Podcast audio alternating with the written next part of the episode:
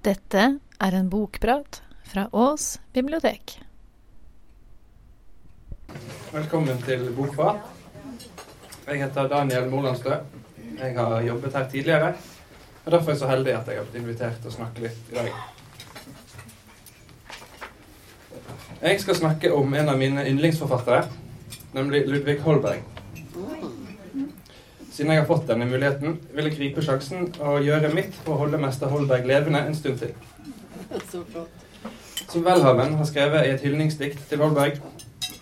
Og derfor, som et dyrebart klenod, hans verk skal hevdes i den gamle ære. Hans edle billed skal vårt Norden bære, på ømme hender over glemsels flod.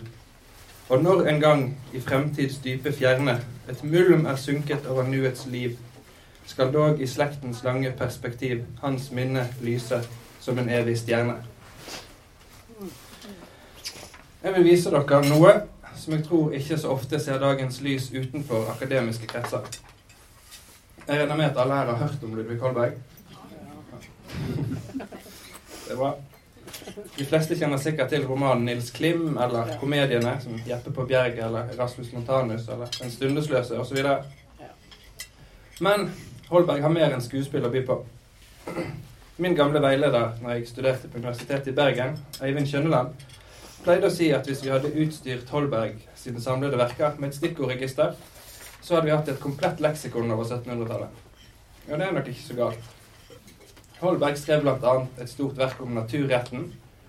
Han skrev heltehistorier, som er biografier om kjente historiske personer fra hans tid. Og en tilsvarende heltinnehistorie om kjente kvinner. Han skrev reisebrev og epigrammer og moralske tanker. Og han skrev epistler. Epistler er små essay som er satt opp som om de var brev til en fingert mottaker. Holberg skrev disse etter innfallsmetoden, og det aller beste med det er at jeg kan si at jeg valgte ut disse epistlene jeg skal lese i dag, etter innfallsmetoden òg, så de trenger ikke å henge sammen for meg heller. Så Holberg har ingen rød tråd gjennom det hele. Han uh, har skrevet om noe som opptok han den dagen han skrev det, og så neste gang så var han opptatt av noe annet, og så skrev han om det. Til slutt så ble dette 539 epistler, som ble utgitt i fem bind mellom 1748 og 1754. Og 1754 det er òg det året Holberg døde.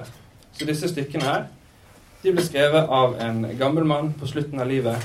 Og i det han har skrevet, så har han øst ut av den livsvisdommen og erfaringen han har samlet seg gjennom et langt liv.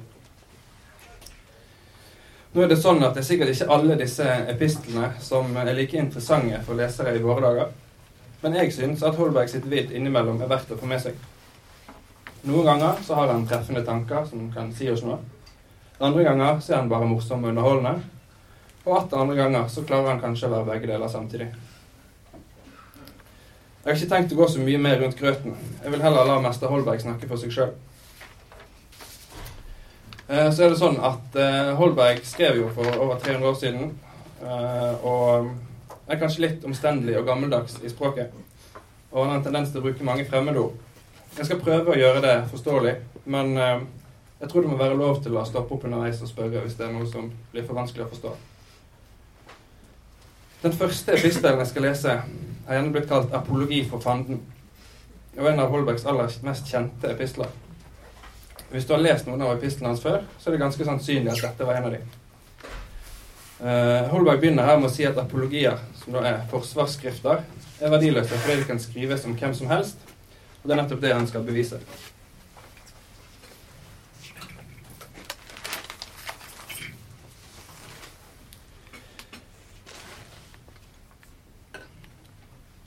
Nå snakker han altså om fanden.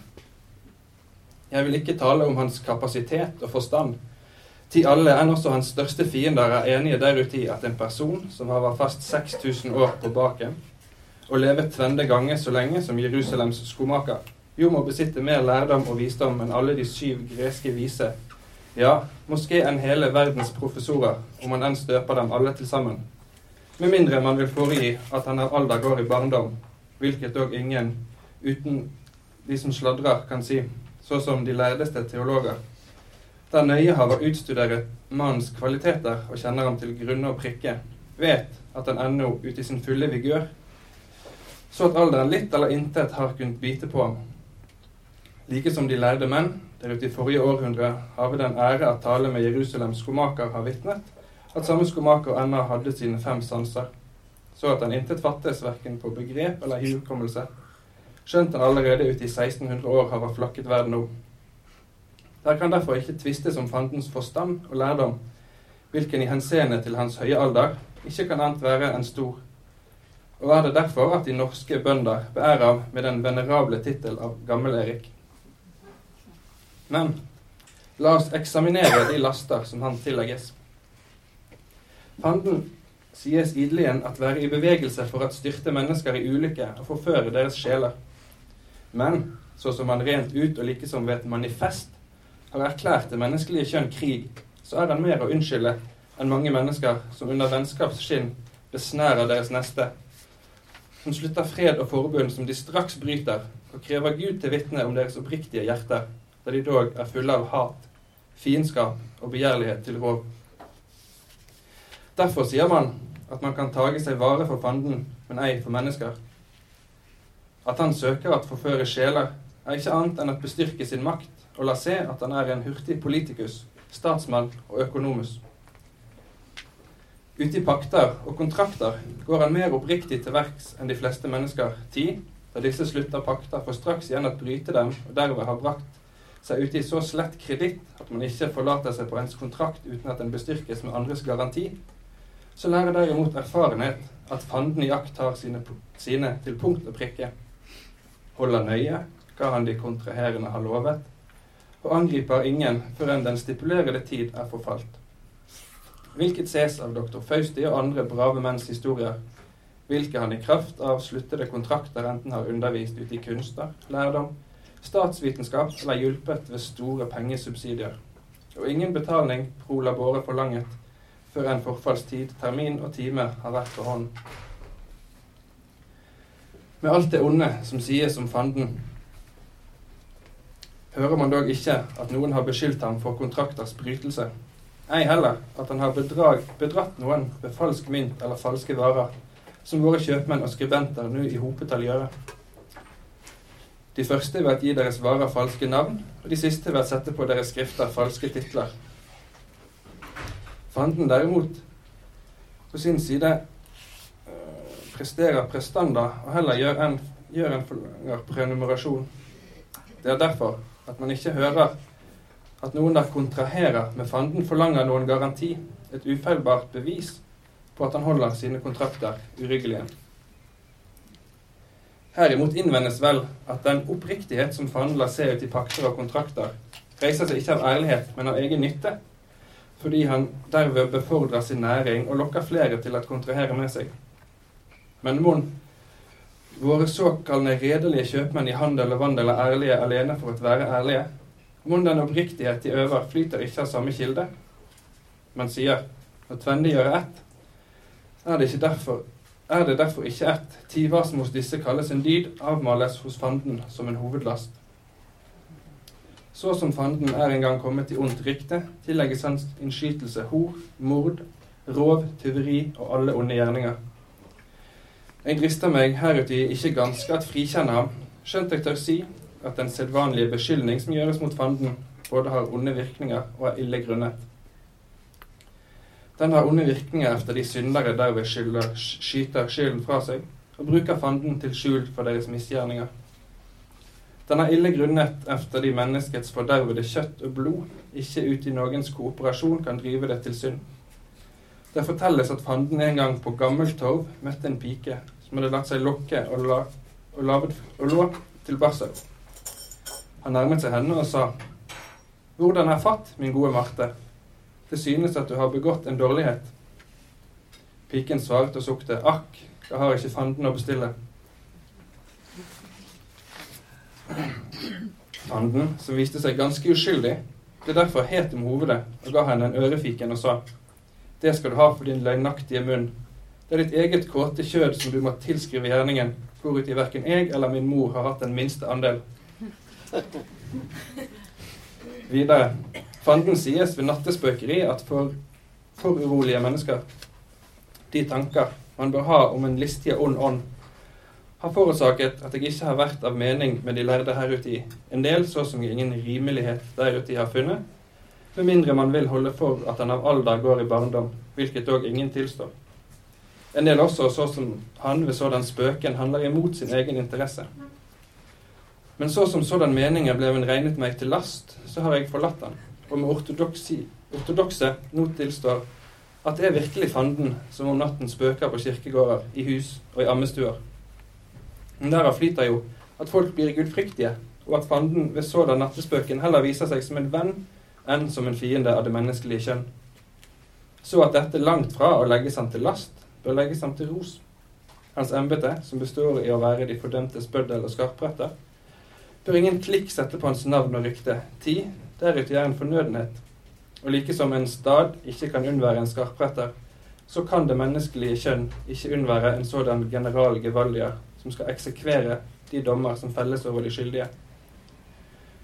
Embetet ute i seg sjøl er ikke alene fornødent, men òg honorabelt. Og ser man at de gamle grekere ikke har tatt i betenkning at gjøre tvende anselige menn, Minos og Radamantus, til eksekutørs ute i Plut Plutos rike.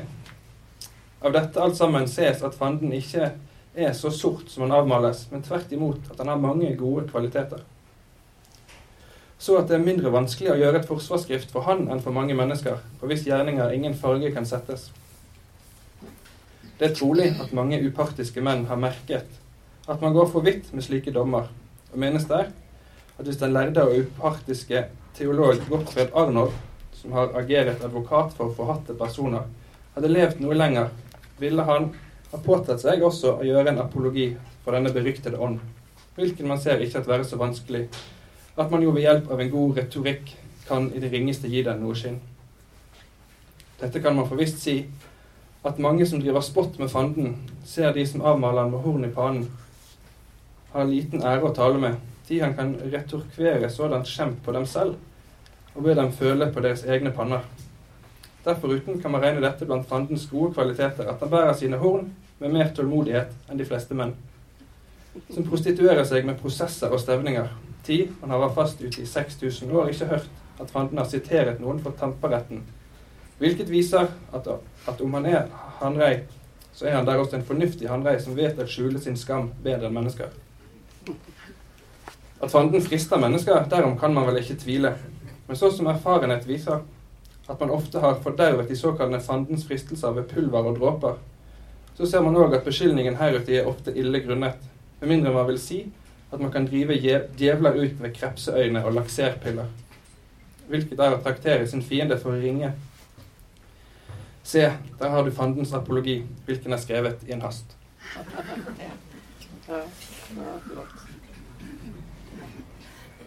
Jeg skal ikke si så mye mer om den. Jeg skal hoppe rett videre til en annen type epistel. Den handler om Tordenskjold. Og Her bruker Holberg Tordenskjold sin historie som en anledning til å komme med noen eh, hva skal man si, allmenngyldige betraktninger. Epistel 398. Jeg har vist, vist ut i min Danmarks historie at Norge har tilveiebrakt flere store sjøhelter enn noe annet land etter proporsjon. Blant dem man kan regne for de navnkundigste Adler og Tordenskjold, hvorav Hind var den største, og denne den merkeligste. Jeg sier at Hind, nemlig Adler, var den største, fordi han ved lang tjeneste ute i fremmede land hadde ervervet seg stor kunnskap ute i sjømannskap, og ved sin kapasitet og herlige bedrifter var kommet på det høyeste ærestrinn, og var blevet en generaladmiral. Denne derimot var den merkeligste, fordi han uten vitenskap og uten edukasjon, ute i noen få år, avanserte fra lærling til viseadmiral. På sådan hastig forfremmelse finnes kun få eksempler ute i historien. Vel er sant at den første også gikk frem ute i galopp, men han galopperte dog ikke så sterkt som den siste, hvilken fast hvert år ble bekledt med en høyere charge. Det er altså et høyere embete.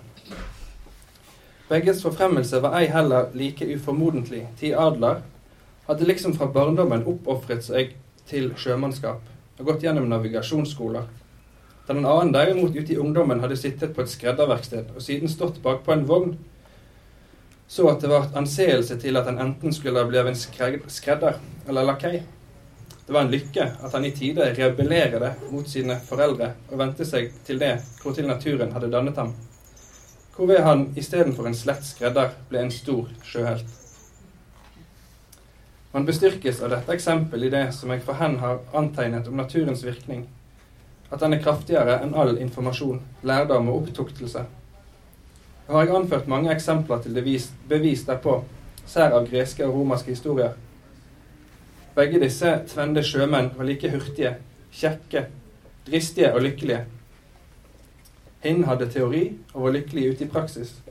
Denne praktiserer det lykkelig uten teori, til han ble, var blevet en stor sjømann alene av egen erfarenhet, og uten at ha gått i nav navigasjonsskole. Det var derfor at atskillige av hans aksjoner ble kritisert som foretagende mot regler. Om sådanne kritikker var vel eller ille grunnede, det skal jeg ei kunne si. Erfarenhet viser dog at det undertiden regnes til fornuft og skjønnsomhet å tilsidesette regler og formaliteter, og bruke lykken når man ser at havnen liksom i sin lomme. Sådan ser man habile spillere at iakttage, så at de betjener seg av lykken på de tider når de merker seg av den samme at favoriseres. Tide heter da vi må smi mens jernet er varmt. Store og fast utrolige ting er derved, derved blevet utvirkede. Tid, den assuranse som finnes hos anføreren, innpretter den underhavende en tillit, så at de ofte vinner efter de de tror seg ikke at kunne tape. Hvis man sådant nekter, taler man mot erfarenhet, som dagligen viser at det er visse lykkelige og forvorpne dager, og at lykken liksom har oppofret seg til visse personer og hos noen på visse tider og timer. Våre tvenne norske helter var store sjømenn. Hos den første opererer det kunsten med naturen, og hos den siste virket naturen alene. Og kan man derav slutte at man bør gi fortrinn til den første, med mindre man vil holde for at lærdom og informasjon er av ingen nytte. Derforuten var begges bedrifter ikke like store, kunne ei heller være, efter de den første ut i mange år har gjort tjeneste til sjøs, da den siste derimot var som et værlys som lot seg se, og likesom forsvant på en gang. Endelig forårsaket det mangel på informasjon at Tordenskjold hadde intet hvorved han kunne rekommandere seg når en krig var brakt til ende. Da Adler derimot formeddelst sine vitenskaper kunne konservere den anseelse som han ute i krig hadde ervervet hvilket også skjedde. 10. han administrerte siden det danske sjøvesen, innrettet sjøetaten etter den hollandske måte, og lot bygge de galeier som ute i den skånske krig ble brukt. Sådanne tjenester kunne Tordenskjold ikke gjøre. Tvert imot, mangel på informasjon brakte ham til en falsk pointe honnør at duellere med en fektemester som skilte han av med livet ute i hans blomstrende alder. Her forblir etc. Sånn slutter Holberg alle epistlene, som, en, som om han liksom har underskrevet et brev da, til denne mottakeren han later som han skriver til. Uh, den neste epistelen jeg skal lese, så gjør Holberg en parodi på såkalte antikvariske undersøkelser, der man på en måte går i historiebøkene og forsøker å argumentere for fedrelandets fortreffelighet. Han har tidligere i en lignende epistel argumentert for at de første menneskene i verden kom fra Norden Eh, og denne argumentasjonen ligger til grunn for det han skal si her.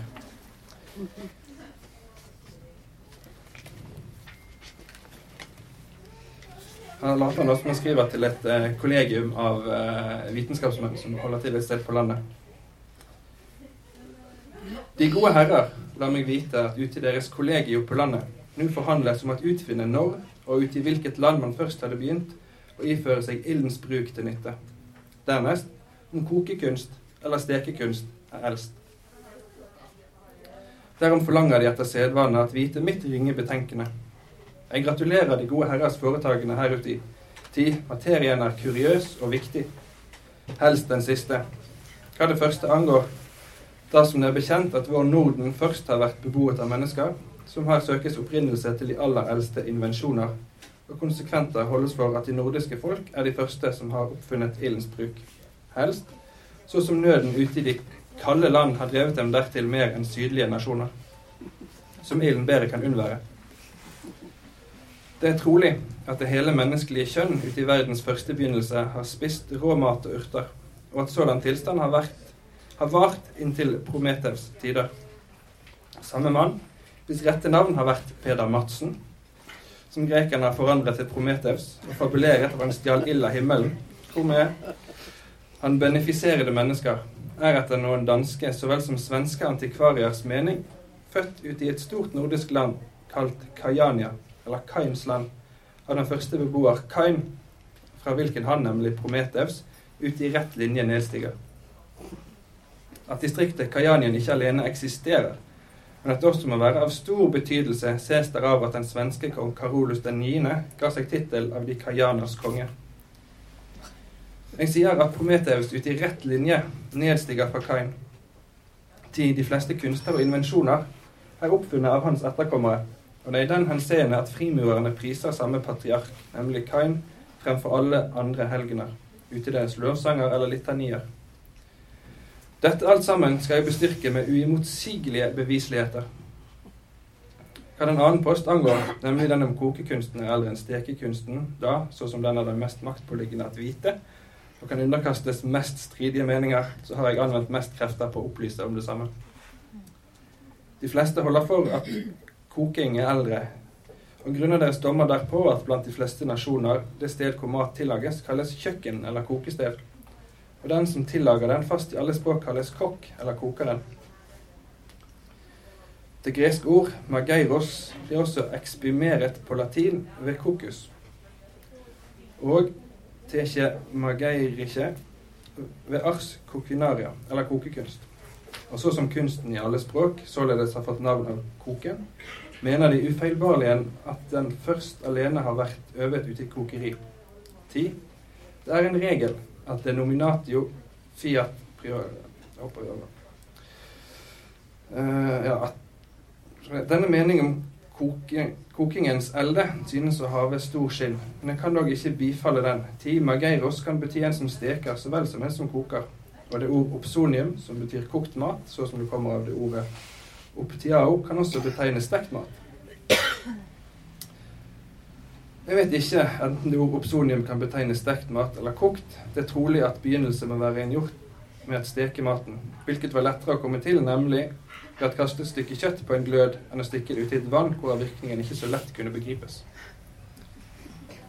Men hva som uti mine tanker kan desidere uti denne tristhet, er dette at en kokk ute i det gamle nordiske språk kalles steikeren, eller stekeren, og ikke kokeren.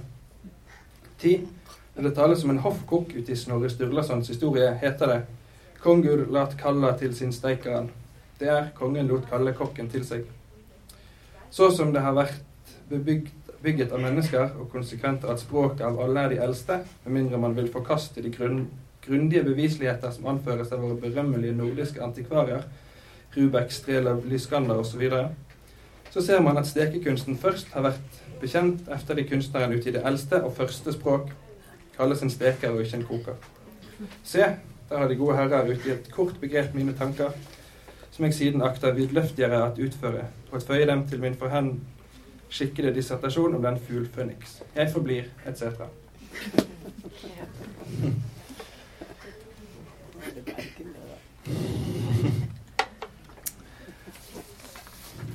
Ja. Jeg har en epistel til jeg skal lese, hadde jeg tenkt. Jeg har et litt mer alvorlig essay der Holberg tar opp et tema som kan gi lesere i våre dager òg litt å tenke på. Her skriver han nemlig om nestekjærlighet. Min Herre bebreider meg en slags koldsindighet mot slektninger og pårørende.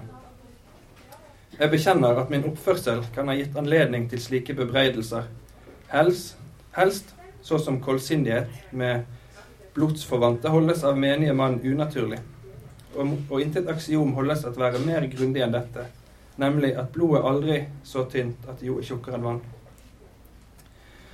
Etter at hvor ikke prefererer sine egne for fremmede, er verre enn en tyrk og hedning. Men så som jeg uti atskillige ting går fra den allfare vei, så holder jeg òg for at de alminnelige dommer heruti grunner seg mer på skikk og vedtekt enn på den sunne fornuft, så at min oppførsel heruti er pur virkning av filosofiske meditasjoner. Jeg tilstår vel at fast alle nasjoner er enige ute i den mening om en særdeles kjærlighetsplikt mot slektninger, og at derfor sådan alminnelig samtykke kan ikke være, av, kan ikke være uten av noen vekt. Bifeller derfor gjerne dem som prefererer slektninger for fremmede. Det er når en slektning besitter like som egen dyd som en fremmed, og holder for at når tvende personer er like trengende, at jeg først må rekke hånd til min pårørende. Men min ortodoksi går heruti ikke videre, bør ei heller strekke seg lengre ettersom fornuften byr at elske dem mest som er mest kjærlighet verdt. Og takknemlighetslov befaler heller ikke at rekke dem hånd som er mine velgjørere, som har lad, ladet se kjærlighetsprøver mot meg, enn mot dem der har intet annet å berope seg på enn forvannskap ute i blodet, grunnet deres pretensjoner alene derpå, at de er fabrikkerede ute i samme verksted som jeg. Jeg unntar herfra foreldre og børn. De første er jeg takknemlighet skyldig, og må derfor alle andre foretrekkes. De siste byr naturens lov meg at elske fremfor andre.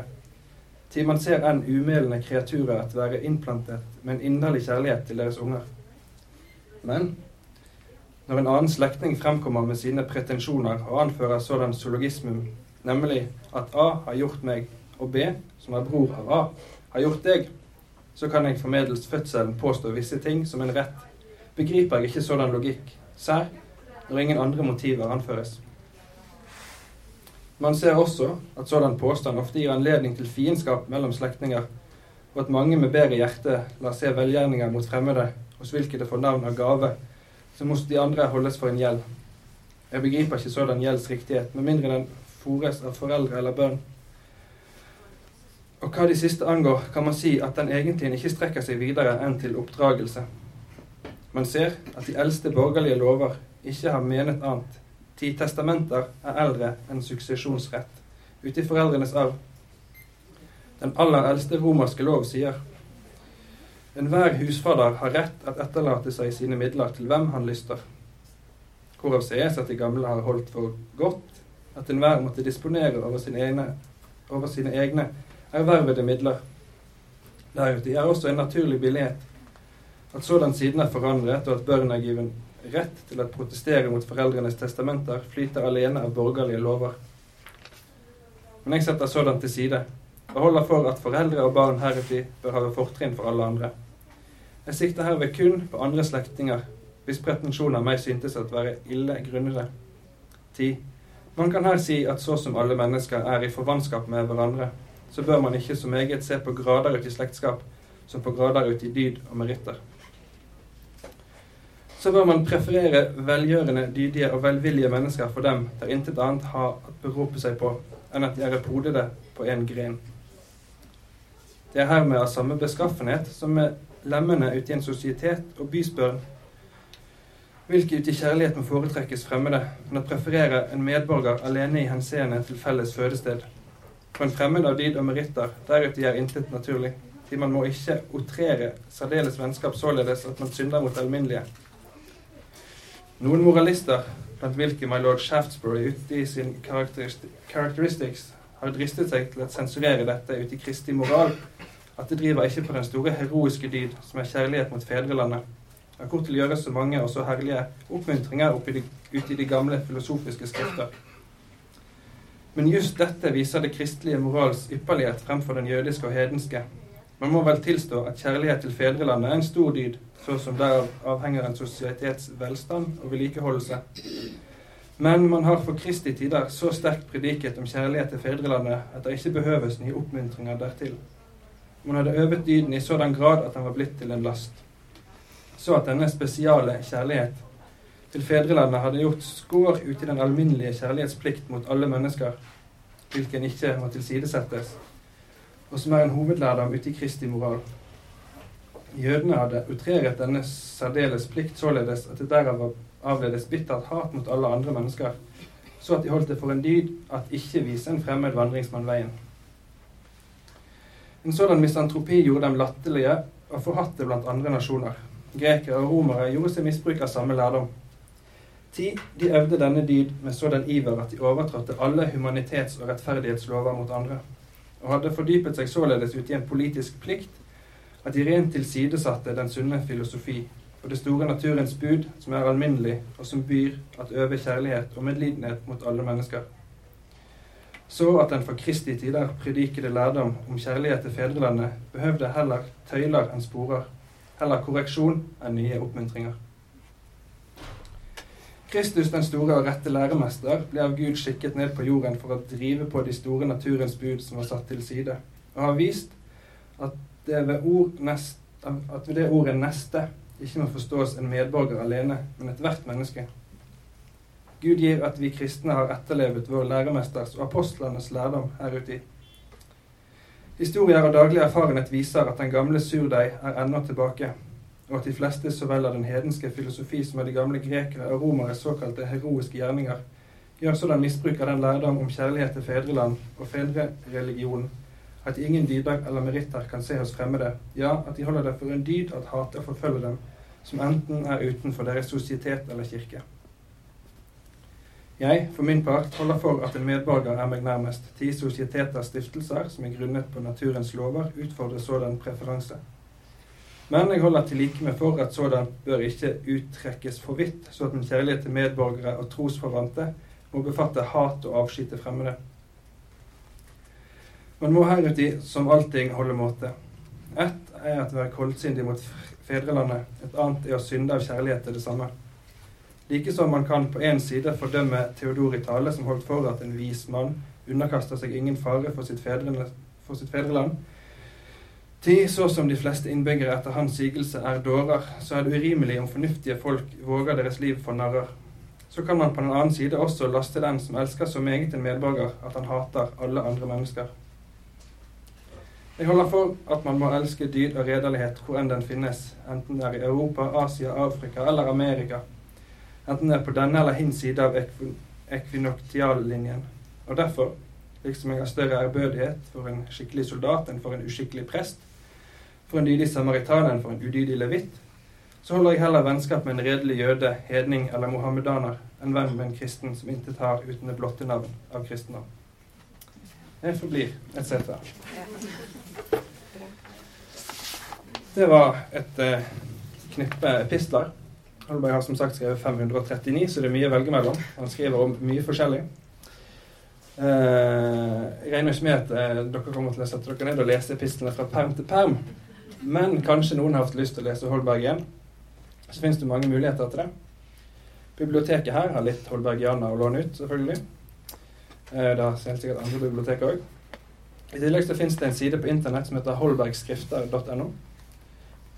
Der ligger Holberg sitt samlede forfatterskap digitalt. Eh, og Der er tekstene søkbare, og det er veldig mye som er kommentert av fagfolk. Så det er en kjempegod, eh, kjempegod kilde for folk som er interessert i Holberg. I tillegg så finnes det en dansk side som heter Holberg ordbok med g.dk. Som er en ordbok med ordforklaringer på de fleste ordene man finner i Holberg sine tekster. Som òg er et uvurderlig hjelpemiddel til alle som eh, våger seg på å lese Holberg i original språkdrakt. Det var egentlig det jeg hadde i dag. Jeg håper jeg ikke har kjedet dere. Og at eh, kanskje i hvert fall noen her har fått lyst til å lese Holberg igjen. Enten nå er pistlene eller skuespillene eller noe annet. Det er i hvert fall mange muligheter. Takk for meg.